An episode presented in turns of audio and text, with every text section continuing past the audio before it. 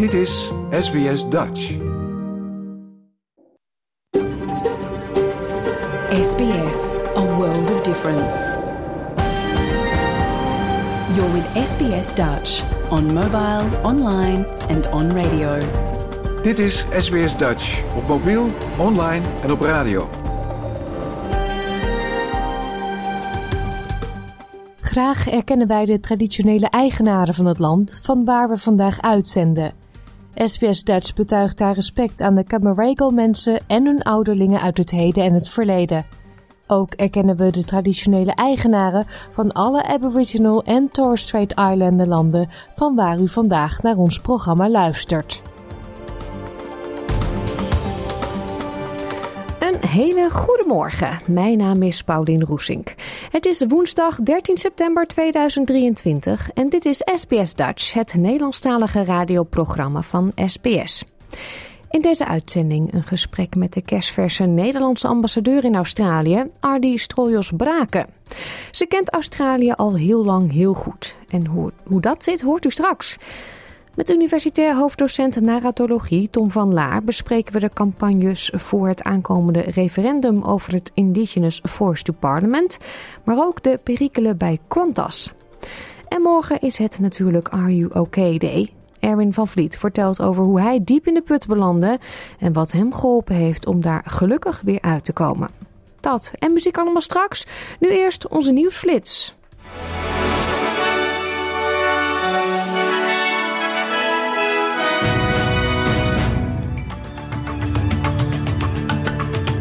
Dit is de SBS Nieuwsflits van woensdag 13 september. Mijn naam is Paulien Roesink. De regering heeft aangekondigd grote hervormingen te zullen doorvoeren in de tabaksindustrie.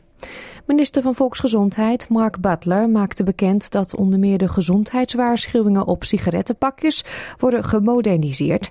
De reclameverboden worden uitgebreid naar e-sigaretten en vapes en dat de productontwerpkenmerken worden gestandaardiseerd. De Groenen blijven zich inzetten voor huurders, ook nu het Housing Australia Future Fund waarschijnlijk doorgaat. Het fonds van 10 miljard dollar voor sociale huisvesting zal naar verwachting vandaag worden goedgekeurd door de Senaat. De Groenen stemmen voor nu ze nog eens 3 miljard dollar aan publieke financiering voor sociale woningbouw hebben veiliggesteld. De federale regering wordt opgeroepen om een nationale strategie te ontwikkelen voor de veiligheidsrisico's die voortvloeien uit klimaatverandering. Een groep voormalige defensie- en veiligheidsspecialisten is naar Canberra gereisd om parlementsleden bij te praten over zo'n plan. De republikeinse voorzitter van het Huis van Afgevaardigden, Kevin McCarthy, heeft aangekondigd dat er een afzettingsonderzoek komt tegen president Joe Biden. Het onderzoek kan uitmonden in een formele afzettingsprocedure.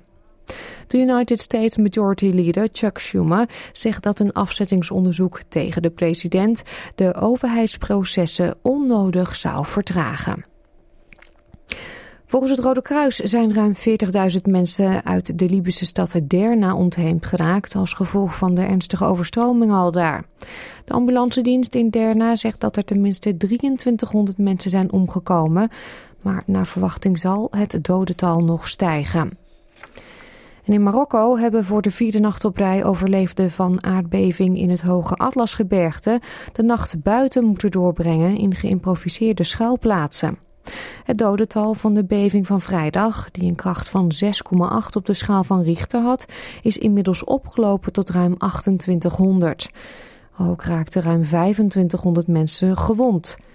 Reddingswerkers hebben sommige afgelegen gebieden nog niet kunnen bereiken en dus wordt gevreesd dat het aantal doden en gewonden de komende dagen nog zal oplopen. Tot zover deze nieuwsflits. Volg de SBS Dutch podcast voor meer nieuws en achtergronden of bezoek onze website www.sbs.com.au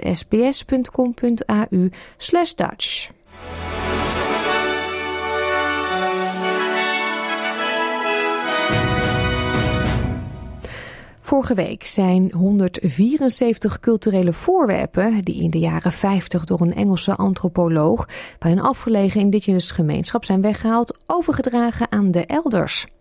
Experts hopen dat deze stap ervoor zal zorgen dat andere musea soortgelijke voorwerpen zullen teruggeven.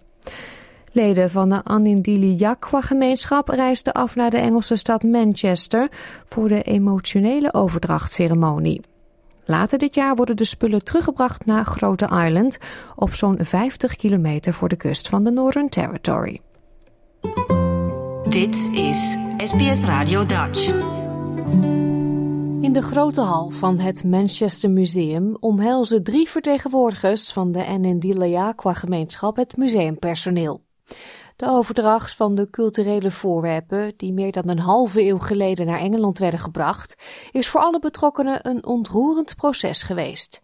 Nolien Lalara is een Nndiliaqua elder. For me, it's uh, emotional, really, and I'm so. Uh, I'm just talking my, from my heart. It's very emotional to me, and I'm happy and I'm proud for my people.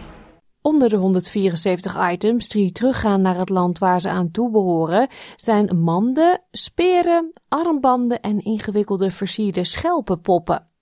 Die poppen hebben ervoor gezorgd dat de huidige grote island-gemeenschap is begonnen met het maken van nieuwe poppen. Een activiteit waardoor de band tussen generaties wordt versterkt. Macy Lara is een Ndiliaqua vrouw. Um, we do a learning on country with the school kids. Going at collecting the shells, painting it with um, ochre, natural ochre. The kids loved it and making it live. And we carry on like following our ancestors' footsteps. De voorwerpen werden in de jaren 50 verzameld door de Engelse antropoloog professor Peter Worsley. Hij deed onderzoek naar de levens van Aboriginals en reisde langs Grote Island. Zijn dochter Deborah was vandaag bij de overdracht aanwezig en ontmoette daar de afstammelingen van de vrouwen waar haar vader vaak over gesproken had tijdens haar jeugd.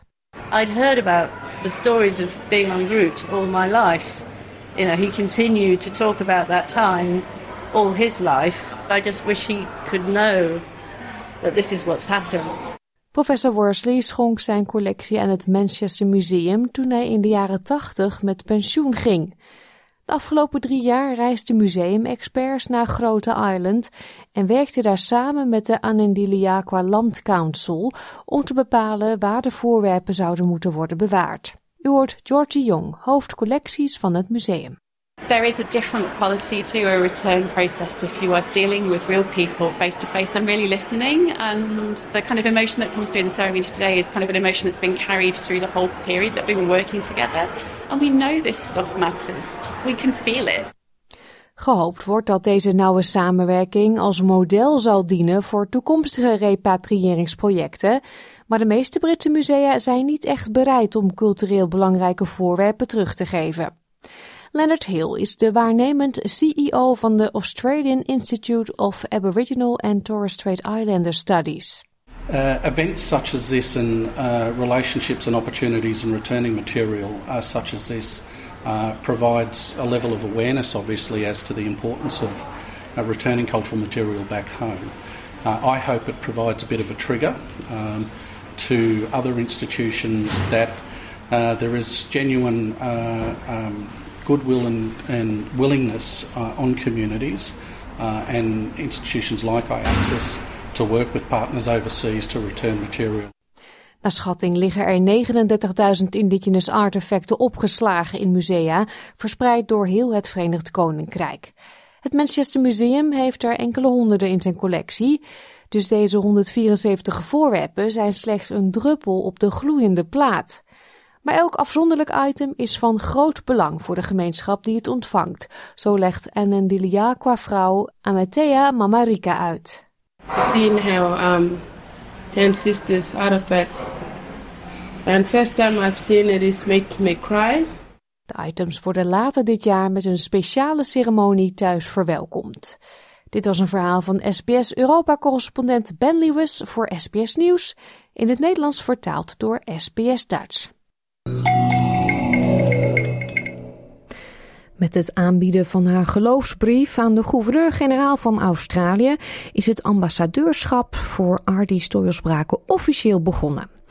Australië is geen onbekend terrein voor de nieuwe ambassadeur. Ze is namelijk getrouwd met een Australiër en kwam hier al heel vaak op bezoek. Ze kijkt ernaar uit om het land in te gaan en de Nederlandse gemeenschap beter te leren kennen. Zo vertelde ze onlangs aan SBS Dutch in een gesprek waarin we de ambassadeur een stukje beter leren kennen. Jouw gemeenschap, jouw gesprek, SBS Dutch. Ja, ambassadeur, welkom in Australië. Het is een land uh, wat niet geheel onbekend is, want uh, u bent getrouwd met een Australiër. Maar is dit wel de eerste keer dat u hier nu gaat wonen? Dat klopt. Ik ben hier altijd uh, met vakantie geweest. tijdens de vakantie, tijdens mijn eerste verblijf in Australië, heb ik mijn man ontmoet.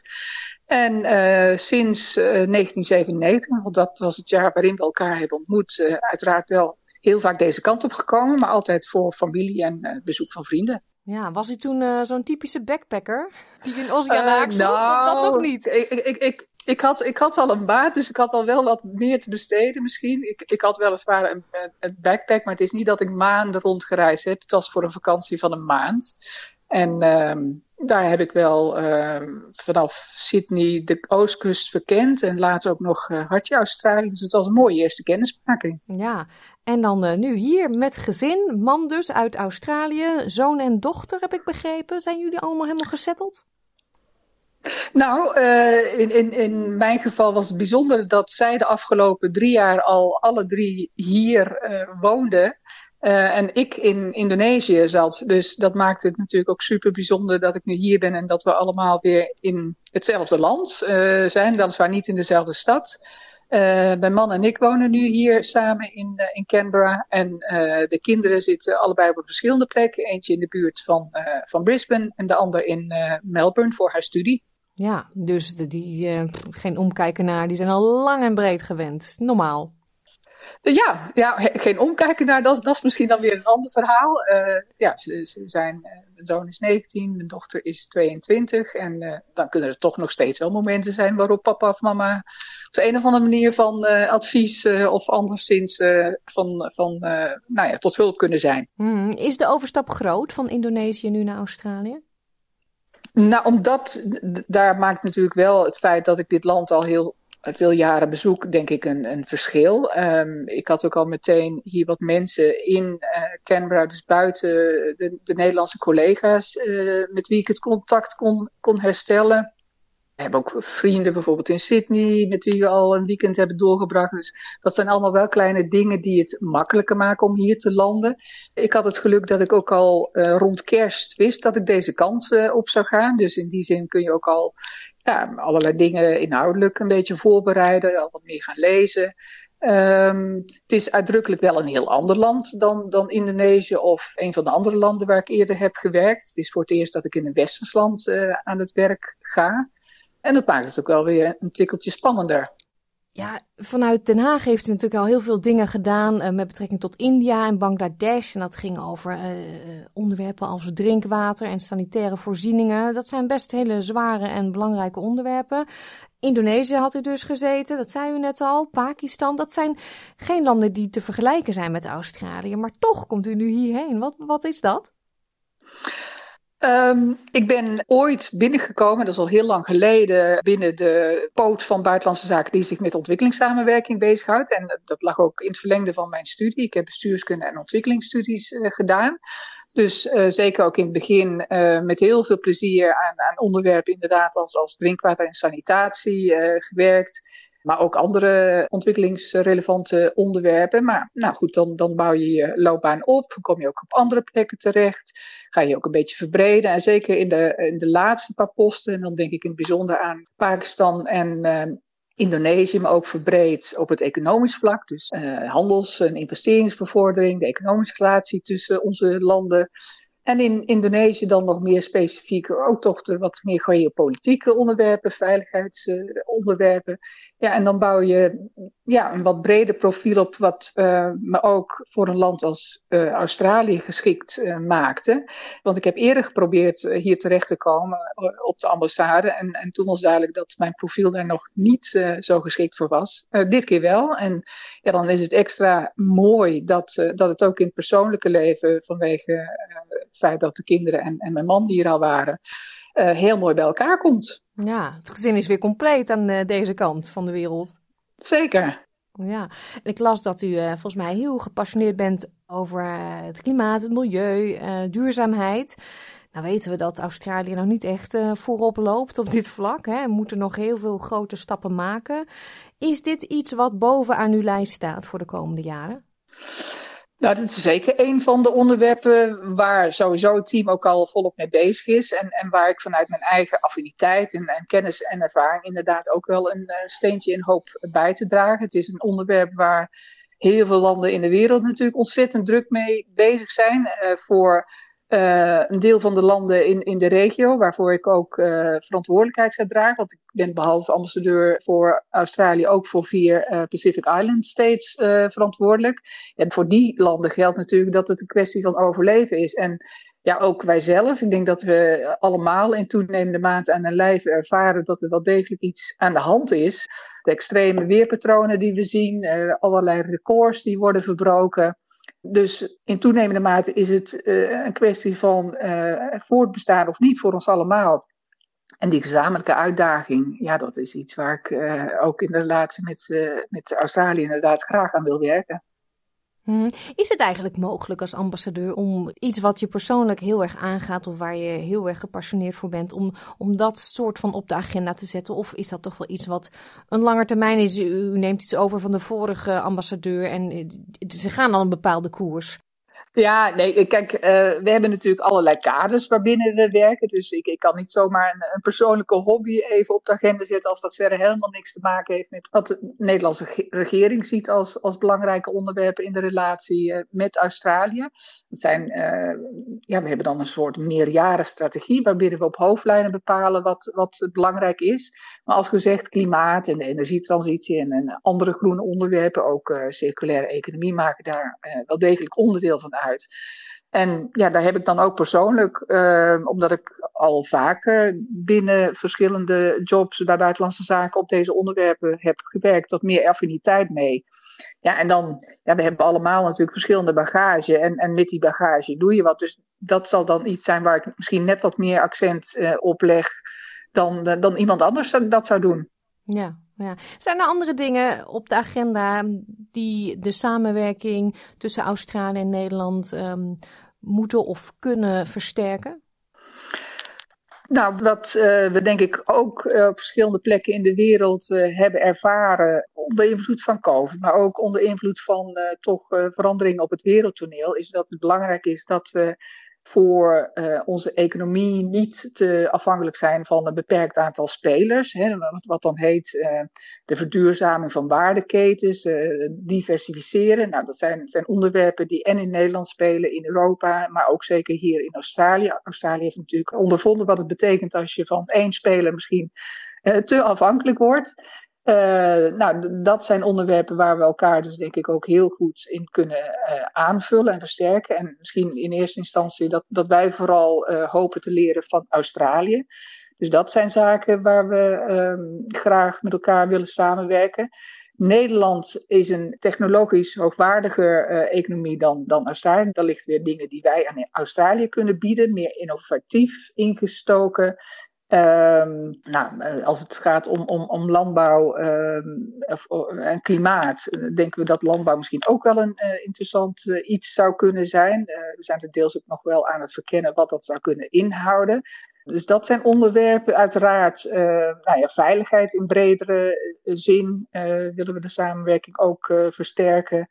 We hebben hier ook te maken met uh, een Nederlandse gemeenschap. Of mensen die in elk geval nog een zekere band met Nederland uh, voelen. Daar wil ik uh, zeker ook heel veel tijd aan, aan, besteden. Om die gemeenschap beter te leren kennen. En, en ook hun kijken op hoe deze samenleving in elkaar steekt. Ik denk dat dat heel, heel nuttig en leerzaam zou kunnen zijn. Um, ik, ik hoor van alle kanten dat ik uiteraard ook uh, veel uh, werk te verrichten heb hier in Canberra, maar, maar daarnaast uh, vooral toch op reis moet gaan, het land in. En het is in beginsel de bedoeling dat bij elk bezoek aan een deelstaat we ook kijken of er een component in te bouwen is voor een ontmoeting met, met die Nederlandse gemeenschap. Ja, dat klinkt hartstikke leuk. Waar kijkt u nou het meeste naar uit in de aankomende vier jaar? Nou ja, misschien eigenlijk dan toch wel dat laatste, gewoon het, land in en in gesprekken met mensen. Dat zullen misschien voor het grotendeel nog steeds Assaris zijn, maar uitdrukkelijk toch ook die Nederlandse gemeenschap die hier geworteld is en, en die ook uh, vanuit hun perspectief uh, mij kan helpen om, om te duiden wat er in, deze, in dit land, in deze samenleving gaande is. En op basis van die kennis en ervaring mij ook verder kan helpen op die verschillende uh, werkgebieden waarin, ik, en waarin het team actief is. Mm -hmm. Ja, ik wens u heel veel uh, plezier hier in Australië en um, welkom. Ik hoop u nog uh, vaker te spreken de aankomende tijd. Nou, met alle plezier. En uh, ik heb er ontzettend veel zin in. En de eerste weken die zijn ontzettend goed begonnen. En die, nou, die geven mij alleen maar het gevoel dat het een prachtige tijd gaat worden de komende vier jaar. Al dus Ardi Strojos-Braken, de nieuwe Nederlandse ambassadeur in Australië. We gaan verder met muziek. Lisbeth List en Ramses Shaffi werkten jarenlang in en nacht samen en behaalden grote successen met onder andere de pastorale.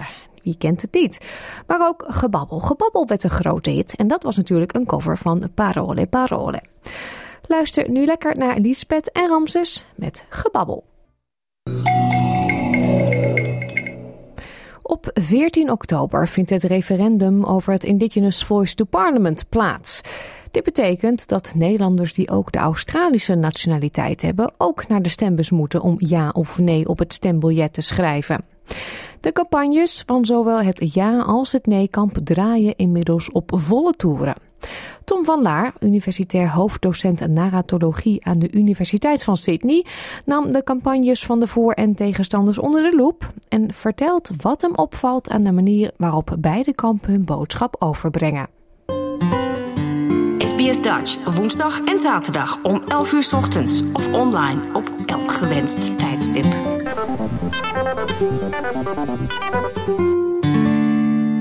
Tom, jij bent universitair hoofddocent hier in Sydney, University of Sydney, in narratology. Wat houdt dat precies in? Uh, narratologie of narratology is de wetenschap hoe verhalen de werkelijkheid veranderen. Dus als je denkt aan uh, ja, alles van, van, een, van een boek tot een, um, tot een tv-serie of een reclame of political spin. Dat is allemaal fictie en dat kan allemaal een effect hebben op de werkelijkheid.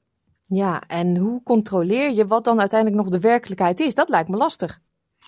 Ja, daar spendeer ik dus mijn tijd aan. Ja. ja, en je bent druk op het moment, want er is iets groots uh, aan de hand nu in Australië. Het referendum voor The Voice to Parliament komt eraan op 14 oktober. En jou valt iets op hè? als je naar dat mooie uh, booklet kijkt, wat iedereen inmiddels uh, thuis heeft gekregen. Ik heb hem hier in mijn hand.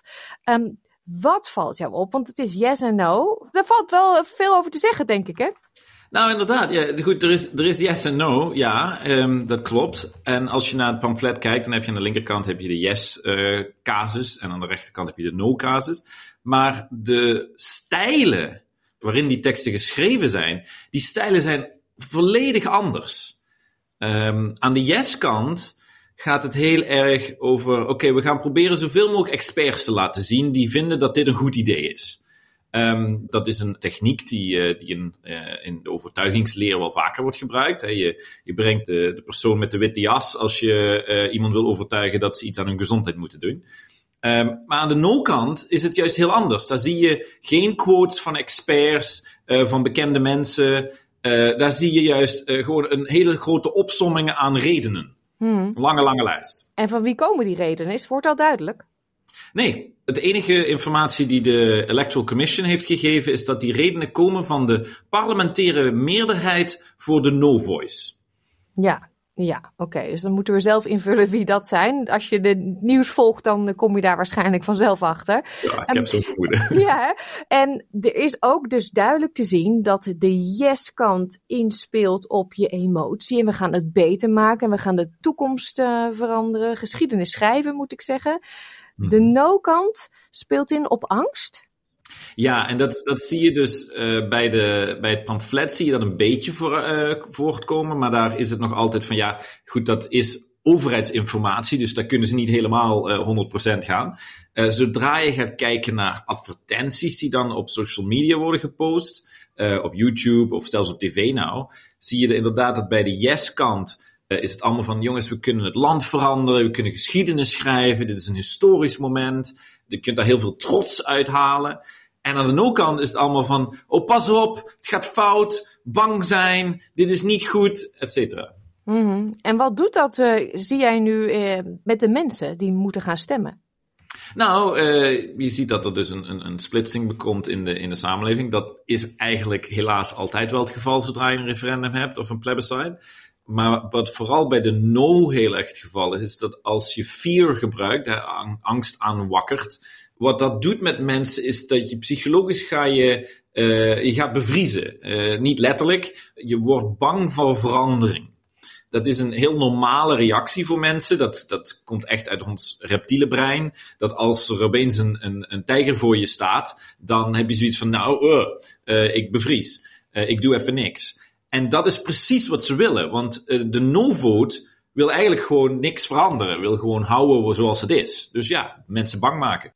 Mm is deze campagne rondom dit referendum te vergelijken met iets wat je eerder hebt gezien? Uh, zeker aan de yes-kant. Dus uh, aan de no-kant goed ook wel. Je ziet, je ziet vaak dat, dat angst werd bijvoorbeeld um, met Brexit-referendum in, de, in Groot-Brittannië werd ook angst heel erg uh, zwaar op ingezet. Maar aan de yes-kant zie je echt veel overeenkomsten met andere politieke campagnes. In Nederland hadden we, um, niet politiek overigens, hadden we een lange tijd geleden 15 miljoen mensen. Dat was een nummer wat heel erg emotioneel was, dat voor Nationale Nederlanden werd gebruikt. Maar ook als je kijkt naar de eerdere politieke campagne, de eerdere verkiezingscampagne voor Barack Obama, die werd ondersteund door Beyoncé en Jay-Z en George Clooney. Allemaal bekende mensen die zeggen, goh, dit is een goed idee. En dat zie je hier ook heel erg naar voren komen. Ja, You're the Voice van John Farnham is nou officieel gelinkt aan de Yes-campagne. Wat voor een invloed gaat dat liedje hebben, denk jij? Oh, ik denk een hele grote invloed. Het is, het is een hele goede vondst. Kijk, goed, het, het woord voice zit er natuurlijk in. Um, het is oorspronkelijk een protestnummer. Het is geschreven in de jaren tachtig tegen de Koude Oorlog. En de angst voor, uh, goed, in Nederland was het de kruisraketten, maar hier uh, werden ook aardig wat dingen uh, neergezet. En de tekst lijkt gewoon geschreven voor dit referendum. Dus wat dat betreft is het een perfecte keuze. Het gaat echt wel invloed hebben, ja. Hmm. Durf jij iets te zeggen over de uitkomst? Of zullen we dat pad maar niet bewandelen? ik, ik ben daar niet gekwalificeerd voor, nee. Nee. Verwacht jij dat er nog uh, konijnen uit hoge hoeden gaan komen? Nou, ik ben benieuwd of, of uh, No ook nog een, een grote uh, commercial heeft. Want op dit moment hebben ze wel uh, de, de campagnes zijn allebei een beetje gelijk gestart. Je ziet aan, de, uh, aan beide kanten was er eerst een pamflet en daar hadden ze verschillende stijlen. Yes had die experts, No had gewoon die, die, die, lijst aan, aan redenen. En gewoon zo van, nou, als we maar blijven bombarderen met redenen, dan gaan de mensen het wel opgeven. En daarna zag je dat de door-to-door campagnes begonnen en dat mensen op sociale media dingen gingen zetten en er werd No ging heel erg inzetten op angst. En Yes uh, begon allemaal die, die fairness en die pride, de, de trots naar voren te brengen.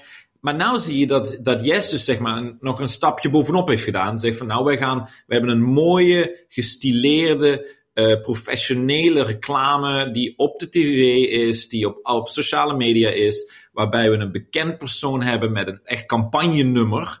Wat gaat No daar tegenover zetten? Dat is de grote vraag. Ja, en die vraag zal de komende 4,5 tot 5 weken nog worden beantwoord. Quantas dan, want ook daar spraken we over met universitair hoofddocent narratologie Tom van Laar. Quantas kreeg het de afgelopen weken zwaar te voortduren nadat bekend was geworden dat het Jobkeeper overheidsuitkering had ontvangen tijdens de COVID-19-pandemie. Maar nu blijkt dus dat het bedrijf gigantische winsten heeft behaald. Ook kreeg de inmiddels opgestapte CEO Alan Joyce een bonus van een paar miljoen dollar. De Australische luchtvaartmaatschappij heeft hierdoor ernstige imagoschade opgelopen. En Tom denkt dat het wel moeilijk gaat worden om dat te repareren. Kijk, Australië is uh, een land waar, waar verhalen een, een, grote rol spelen. Um, het is een land dat zowel vanuit de Aboriginal uh, geschiedenis en vanuit de Ierse geschiedenis is, zijn verhalen zijn cultureel heel waardevol, uh, wordt heel zwaar aan getild. En Qantas is eigenlijk nou, zo meer dan 100 jaar zijn ze altijd bezig geweest met te vertellen: wij zijn onderdeel van het nationale verhaal. Wij zijn niet, zo, niet alleen maar de nationale luchthaven, wij zijn onderdeel van de Australian spirit, hè, van de, de spirit of Australia. Dat is letterlijk hun slogan. Dat zijn alle reclames, alle communicatie zijn altijd daarover gegaan. Maar dat betekent dat je dus als bedrijf, dat het niet meer gaat van, goh, ehm, heb ik een goede dienstverlening? Het gaat er opeens om van, ben ik onderdeel van wat het betekent om Australisch te zijn? En als je dat goed doet, dan levert je dat ontzettend veel geld op. In het geval van uh, Qantas hebben ze miljoenen uh, winsten gemaakt. En uh, is er ook heel veel, bijna zou je kunnen zeggen, liefde voor Qantas. heel veel Australiërs vliegen echt alleen maar met Qantas en kijken niet eens naar andere luchtmaatschappijen. Het risico is dat als je het dan verknalt en als je dus um, ja, qua integriteit, qua principes, als je dat soort fouten gaat maken, dus niet van, goh, uh, ik, ik, ik ben wel goed in, in mijn dienstverlening, maar de manier waarop, de moraal die erachter zit, als je dat verknalt, dat is ontzettend moeilijk om dat weer te repareren. Ja, want het is niet te rijmen dat je jobkeeper geld krijgt van de overheid en dan uh, ik weet niet hoeveel miljoen dollar winst maakt. En dat de baas uh, ik weet niet hoeveel miljoen dollar bonus krijgt. Nee, en dat je uh, zorgt dat je heel veel. Goed, dat is nog altijd onder de rechter, maar in ieder geval het gerucht is en de, de aanklacht van de ACCC is dat Qantas wellicht landingsplekken zou hebben geboekt die ze nooit zouden willen gebruiken. Ja, dat is zoiets als zeggen, goh, um, ik zeg wel dat ik een trein heb van Maastricht naar Amsterdam, maar eigenlijk wil ik die helemaal nooit laten rijden. Tja, dat is lastig, hè? Moeilijk uit te ja, leggen. Dat iemand anders niet een trein van Maastricht naar Amsterdam kan Precies. laten rijden. Ja, de baas is nu opgestapt. Er zit een, een, nieuwe CEO. Zij krijgt een hele zware kluif, denk ik. Want dit is niet uh, 1, 2, 3, sorry en we gaan weer verder. Nee, het is zeker niet 1, 2, 3, sorry. Uh, excuses aanbieden voor uh, wat, we, wat we dan integrity failures noemen. Dus uh, fouten met integriteit. Dat soort dingen zijn niet zo makkelijk op te lossen met een sorry van de CEO. Wat je in feite zou moeten doen, is uh, de vrijheid geven aan de, de frontliners, de mensen die dus de, de, de klanten zien, om hen de vrijheid te geven om die klanten te helpen, zonder dat ze door de hele bureaucratie heen moeten om eens wat te vragen. En de paradox is, wat je dus juist vaak ziet in dit soort gevallen, is dat een, een nieuwe CEO in zo'n geval juist heel vaak de touwtjes uh, strakker wil aantrekken en, en in eigen hand wil houden. En vooral niet frontliners die vrijheid durft te geven. Dus ik weet niet of ze dat gaat durven. Denk je dat uh, Australiërs de ballen hebben, om het zo maar te zeggen, om Qantas links te laten liggen? Mits er een andere optie is. en daar ging het nou net om. Kan wel willen. maar dat zie je dus niet zo 1, 2, 3 gebeuren. Dus wat gaat er dan in feite veranderen, denk je? Ja, goed, de, de, wat er gaat veranderen, dat is, de, dat is inderdaad de grote vraag. Uh, op de internationale vluchten is, en daar zit op zich wel het geld, uh, zal, uh, zal wellicht de markt worden opengebroken en, en dan gaat Qantas dus veel meer concurrentie krijgen. Maar de binnenlandse vluchten, die zitten gewoon vast. En vergeet ook niet, het zijn niet zo van goh, um, klanten die uh, op familiebezoek gaan of zo. Ja, dan kun je nog wel met een paar andere maatschappijen. Maar er zijn zoveel bedrijven en overheden die grote contracten hebben met Qantas voor, om gewoon hun personeel rond te vliegen. Die contracten lopen door. Ja. Dus het is even door de zure appel heen bijten, lijkt mij dan voor uh, zo'n uh, vliegmaatschappij. En, ja. en dan komt het weer goed? laten we het hopen. Morgen, donderdag 14 september, is het Nationale Are You OK Day. Een dag waarop iedereen eraan wordt herinnerd dat het altijd goed is om aan de mensen om je heen te vragen of het goed met ze gaat. En daarmee bedoelen we natuurlijk dan niet even vluchtig hoe gaat ie, maar het aanknopen van een oprecht gesprek. Erwin van Vliet raakte een paar jaar geleden overwerkt en belandde steeds dieper in de put. Zijn gevoel stopte hij weg en tegenover de buitenwereld hield hij zich uiteraard groot. Gelukkig zagen zijn vrouw Monique en vrienden dat er iets moest gebeuren. Om uit de put te kunnen komen moest er iets veranderen en dus namen Erwin en Monique een drastisch besluit. Ze verkochten een ranch en gingen met hun twee paarden en hond op rondreis door Australië. Als u een vaste SBS Dutch luisteraar bent, dan heeft u dat verhaal waarschijnlijk wel voorbij horen komen. Vandaag vertelt Erwin over zijn mentale problemen, hoe hij hier aan gewerkt heeft en hoe het nu met hem gaat. Vooraf zeg ik u even, gaat u zelf door een moeilijke periode of kent u iemand die worstelt met het leven? Neem dan alstublieft contact op met Beyond Blue op 1300 224636 of bel Lifeline 131114. Beide instanties zijn 24 uur per dag bereikbaar. Dan nu het verhaal van Erwin. Dit is SBS Radio Dutch. Erwin, hoe gaat het met je op het moment? Uh, op het moment gaat het heel goed eigenlijk, ja. Um, het is een hele lange reis geweest die we hebben gedaan en uh, daar hebben we heel veel baat bij gehad en vooral ik, uh, maar ook eigenlijk allebei. Dus nee, het gaat helemaal goed nou.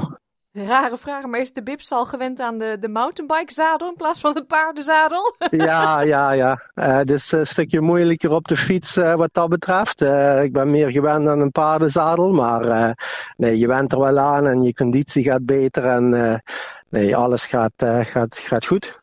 Ja, die, die mooie lange trip die jullie doen, dat begon natuurlijk allemaal met, met jouw eigen mentale situatie. Je zat diep in de put. Ja.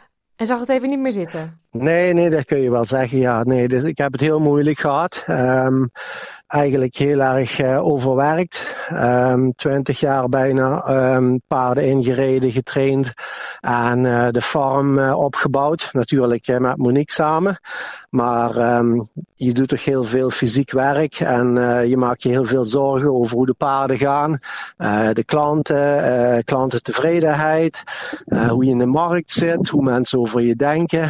En ja, ik raakte eigenlijk in een hele diepe put, langzaam maar zeker. En uh, ja, als je overwerkt raakt en um, je, je, je zakt al langzaam dieper en dieper in, dan zie je het zelf niet meer. Dus uh, aan het einde was het uh, ja, toch wel behoorlijk serieus, ja. Ja, dus jij, jij ging steeds harder werken ook, om er maar gewoon jezelf te begraven in al het werk?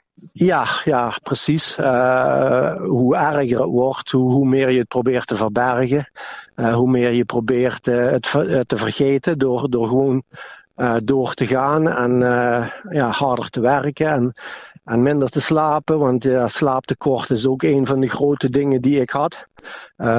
veel dromen over, over heel, heel vervelende dingen. En dan, uh, ja, dan, dan heb je drie, vier, vijf uurtjes slaap per nacht. En uh, na tien jaar of, of iets dergelijks, dan begint dat toch uh, heel moeilijk te worden. Want dan word je s'morgens wakker. en je bent heel erg moe. Um, je begint de dag zeg maar zwart. En je moet je daar maar doorheen slepen. En als je zoals ik met veel mensen omgaat, met trailritten en klanten, dan, uh, dan doe je maar net alsof alles goed is. En dan uh, probeer je het maar te verbergen. En hoe, hoe moeilijker het is, hoe meer grapjes je maakt. En hoe meer mensen denken van, oh, gaat goed met hem. Ja, en heb jij op een gegeven moment zelf aan de bel kunnen trekken? Of was het Monique die zag dat het echt niet goed ging? Um, nou, um, was vooral Monique en, en, vrienden om me heen. Die zeiden op een bepaald moment: uh, dit, dit kan niet, dit, dit, het gaat niet goed. Uh, en dat is, uh, ja, dat is moeilijk te horen. Hmm. Maar um, ja, zelf zie je niet altijd. je, je begrijpt het wel, je ziet het eigenlijk wel, maar ja, je wil het eigenlijk niet zien. En je, je denkt, oh, zo erg kan niet zijn, laten, laten we maar doorgaan. Mm-hmm. Maar op hetzelfde moment zit je gewoon overdag zonder reden gewoon te huilen. Als je naar muziek zit te luisteren, begin je gewoon te huilen zonder, zonder een echte reden. En um, ja, er zijn heel veel dagen dat, dat het heel moeilijk is om adem te halen. Is gewoon, uh, ja, je krijgt dat beklemmende gevoel. Je krijgt het warm. Uh, dus ja, het is heel moeilijk dan. En toch denk je dat het niet zo erg is, want het valt wel mee. Mm. En heeft het over praten, heeft dat geholpen? Want uh, jullie hebben natuurlijk die hele lange reis nu al, daar zijn jullie mee bezig. Komen mm. denk ik heel veel mensen onderweg tegen, waar je dan aan vertelt waarom jullie dit doen en wat dus dan ook eigenlijk daaraan uh, vooraf is gegaan. Mm. Um, helpt dat? Uh, dat helpt zeker. Het, uh, voor mij, um, dat, dit klinkt misschien vreemd, maar uh, voor mij helpt het om andere mensen te helpen. Dus omdat wij dit ook voor Beyond Blue doen, wat mensen helpen ehm, die, die dit soort problemen hebben. met depressie en anxiety en, enzovoort. Um, door, door met mensen te praten, uh, praat je over jezelf en je opent jezelf uh, naar hun. En daardoor openen zij zich voor jou en bloot en, en, en delen ze dingen met je. En door dingen te delen en te laten zien hoe moeilijk het eigenlijk soms kan zijn en respect voor elkaar te hebben, ja, begin je steeds beter te begrijpen. En Um, wil niet zeggen dat je het zo 1, 2, 3 kunt oplossen, want dat is een heel ander probleem. Maar um, ja, het is de eerste stap uh, naar, uh, naar ja, beter te worden in principe. Want het is een soort, in mijn ogen is het een soort ziekte. Tuurlijk, ja. En merkte je ook dat je zeker niet alleen bent? Er kwamen er veel verhalen van andere mensen los. Uh, zeker, zeker. Hoe, hoe, meer je rondreist. Uh, we hebben hier met heel veel boeren gepraat uh, die op, in de Outback wonen. en heel veel andere mensen in dorpen enzovoort. En ik kon, kon op een bepaald moment niet geloven hoeveel mensen hier problemen mee hebben. Pers één persoon waar ik mee praatte, die heeft drie zelfmoorden in, in zijn familie gehad. En dan denk je van, oh, als ik zie dan hoe, dat... Oeh, sorry. ik heb een vlieg in mijn mijn keel. Ja, dat gebeurt in de Outback, hè? ja, hier in de Outback zitten nogal veel vliegen. Um, dus uh, als je hoort uh, hoe dan degenen die achterblijven daaronder lijden, uh, dan, ja, dan, dan, dan zie je hoe moeilijk het is als iemand niet meer ziet zitten en er een einde aan maakt. Voor, voor die persoon, maar ook voor de mensen die achterblijven. Dat is natuurlijk ja, in, heel moeilijk. Mm -hmm. als ik nu aan jou vraag, are you okay? Dan is je antwoord? Um, op het moment wel, maar ik denk dat het iets is wat nooit echt weggaat. Uh, ik denk dat uh, er toch wel veel mensen zijn, of in ieder geval ik, waar het voor een bepaald gedeelte in zit. Uh, in de genen ook. Um, maar wat je kunt leren als je, als je beter wordt door, door de tijd heen, wat deze reis voor mij heel erg heeft geholpen om alleen te zijn en met anderen te praten. allebei heeft zijn eigen rol ge, gespeeld daarin. Um, maar um, daardoor uh, leer je een beetje um, wat je kunt doen of moet doen om het in de toekomst te vermijden. Ik, ik zie het zelf voor mij als een soort verslaving. Uh, het, als je niet uitkijkt, komt het terug en het is heel makkelijk uh, om, om daar weer in te, in te gaan en mee in, en, en in terecht te komen eigenlijk. Mm-hmm. Om diezelfde sleur weer in te gaan, om je te druk te maken over geld, over, over de mensen om je heen, wat ze denken, wat, wat, wat je moet doen uh, enzovoort. Dus het ligt een beetje aan je karakter natuurlijk. Mm-hmm. Ja, je noemde Beyond Blue al, je hebt natuurlijk ook Lifeline, allemaal instanties die mensen kunnen mm. helpen. Um, wat is jouw advies van uh, gewoon een ervaringsdeskundige, mensen die zich even niet goed voelen? Wat zou jij hun als eerste advies geven? Nou, het, het, advies is, eh, er zijn twee dingen denk ik. Het eerste is overleven. Dus uh, probeer niet op te geven. Dat, is voor mij, dat was voor mij de, de eerste stap. Um, dag na dag proberen gewoon door erheen te komen en door met anderen te praten. Dat helpt heel veel. Maar dan de tweede stap is, uh, zo kun je ook niet blijven doorgaan soms, is een verandering aanbrengen. En dat, dat is voor elke situatie voor iedereen natuurlijk anders. Maar ik denk soms uh, is, is er een rigoureuze verandering nodig om te zorgen dat je uit de put komt, maar ook uit de put kunt blijven. En dat, uh, ja, dat is voor ons is dit, de reis geweest, de farm opgeven en de druk van de farm wegnemen. En um, de rust om je heen, de natuur, het harde werken, maar dan op een andere manier. Je, je hoofd uh, leeg krijgen. Uh, en met de paarden, paarden en op de fiets. Ja. Maar het is, uh, ja, het is belangrijk om, om te overleven, de eerste stap. om dan met andere mensen te praten en een beetje een idee te krijgen dat er echt iets mis is. En dat er iets moet veranderen. En dan vervolgens ja, te kijken wat het probleem in principe is. En voor ons was dat eigenlijk voor mij heel erg uh, de farm. Uh, ik hield van de farm. Ik wilde het echt totaal niet opgeven. En de paarden ook niet. Tegelijkertijd was dat het grote probleem. Dus uh, ja, het is, het is, moeilijk in te zien of soms moeilijk op te geven of dingen te veranderen. Ja. En de, de verandering is soms de grootste stap. Maar zonder een verandering in wat je, wat je doet en hoe je dingen doet, gaat niks veranderen en zal het allemaal alleen maar erger worden. Ja, en ik denk dat het heel belangrijk is om te realiseren dat je het allemaal niet alleen hoeft te doen.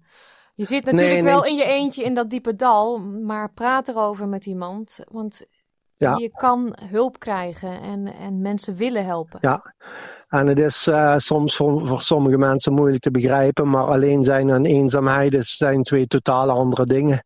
Ik had momenten dat ik me totaal eenzaam voelde en ik had heel veel mensen om me heen. Dus uh, ook al willen mensen je helpen en zijn er mensen om je heen of uh, maak je grapjes en heb je, uh, lijkt het alsof alles goed is, toch, toch kun je op dat moment helemaal, helemaal alleen voelen en in een hele diepe put. Dus, en daarom is het goed als je, zoals in Australië, de manchat hebt, of andere plekken waar je toch ja, met elkaar kunt praten en, en uit die eenzaamheid kunt komen, dat je kunt zien dat je niet alleen bent. Het is moeilijk soms te zien uh, als, je, als, je daar bent. Ja. Maar ik denk wel dat, uh, dat het steeds meer geaccepteerd wordt uh, en is om erover te praten. Wat ik, wat ik merk aan mensen om me heen uh, die, waar we mee praten is toch dat mensen opener zijn en toch het gesprek veel meer aangegaan wordt. Maar ja, soms is het ook niet de vraag, ja. are you okay? Maar wat daarna komt, uh, hoe, je, hoe je verder met iemand praat en of je met iemand een echt gesprek hebt. Want soms is de vraag, are you okay, niet genoeg. Want het antwoord van, van mij zou altijd zijn geweest, alles is goed, geen probleem. Dus je bent gewoon eigenlijk tegen andere mensen een liegen, omdat, omdat je niet beter weet meer. Hmm. Dus uh, wat dat betreft is het vervolggesprek super belangrijk uh, om, om dan toch uh, door te vragen en te zeggen van zullen we wat gaan doen uh, morgen of overmorgen of zullen, we, zullen we eens praten of gaan we een biertje drinken of wat, wat kunnen we doen. Um, dus het is niet altijd zo eenvoudig dat je iemand die in een diepe put zit vraagt van is het goed en hij zegt nee ik heb hulp nodig. Dat, dat is toch niet altijd zo. Uh, soms moet je het er ook een beetje uittrekken of, um, ja, of dat, dat moeilijke gesprek aangaan, uh, wat waarschijnlijk voor beide partijen een beetje moeilijk is. Ja. Dankjewel dat je je verhaal wilde delen. Ik hoop dat uh, het mensen inspireert om ook, als ze het nodig hebben, hulp te zoeken en met anderen te gaan praten. Mm. En ik wens jou en Monique natuurlijk nog heel veel plezier met die laatste stuk van die lange reis. ja, nog, uh, nog 1000 kilometer op de fiets en dan nog 500 kilometer met de paarden en dan zijn we rond. Fijn om te horen dat het nu stukken beter gaat met Erwin. Morgen is het dus Are You OK Day. Beyond Blue en Lifeline zijn 24-7 per dag bereikbaar voor diegenen die mentale ondersteuning nodig hebben. Bel Beyond Blue op 1300 224636 of Lifeline op 131114. Tot zover deze uitzending van SBS Dutch. Op onze website www.sbs.com.au Dutch kunt u deze uitzending en al onze andere verhalen en podcastseries terugluisteren. Dit kan ook via de SBS Audio app. Deze is gratis te downloaden in de Apple Store en Google Play. We eindigen vandaag met Bestel maar van Rowanese. Dat doe ik gewoon speciaal voor Erwin en Monique die uit Limburg komen. Ik wens u een hele fijne middag en graag tot zaterdag. Wil je nog meer soortgelijke verhalen? Luister via Apple Podcasts, Google Podcasts, Spotify of waar je je podcasts dan ook vandaan haalt.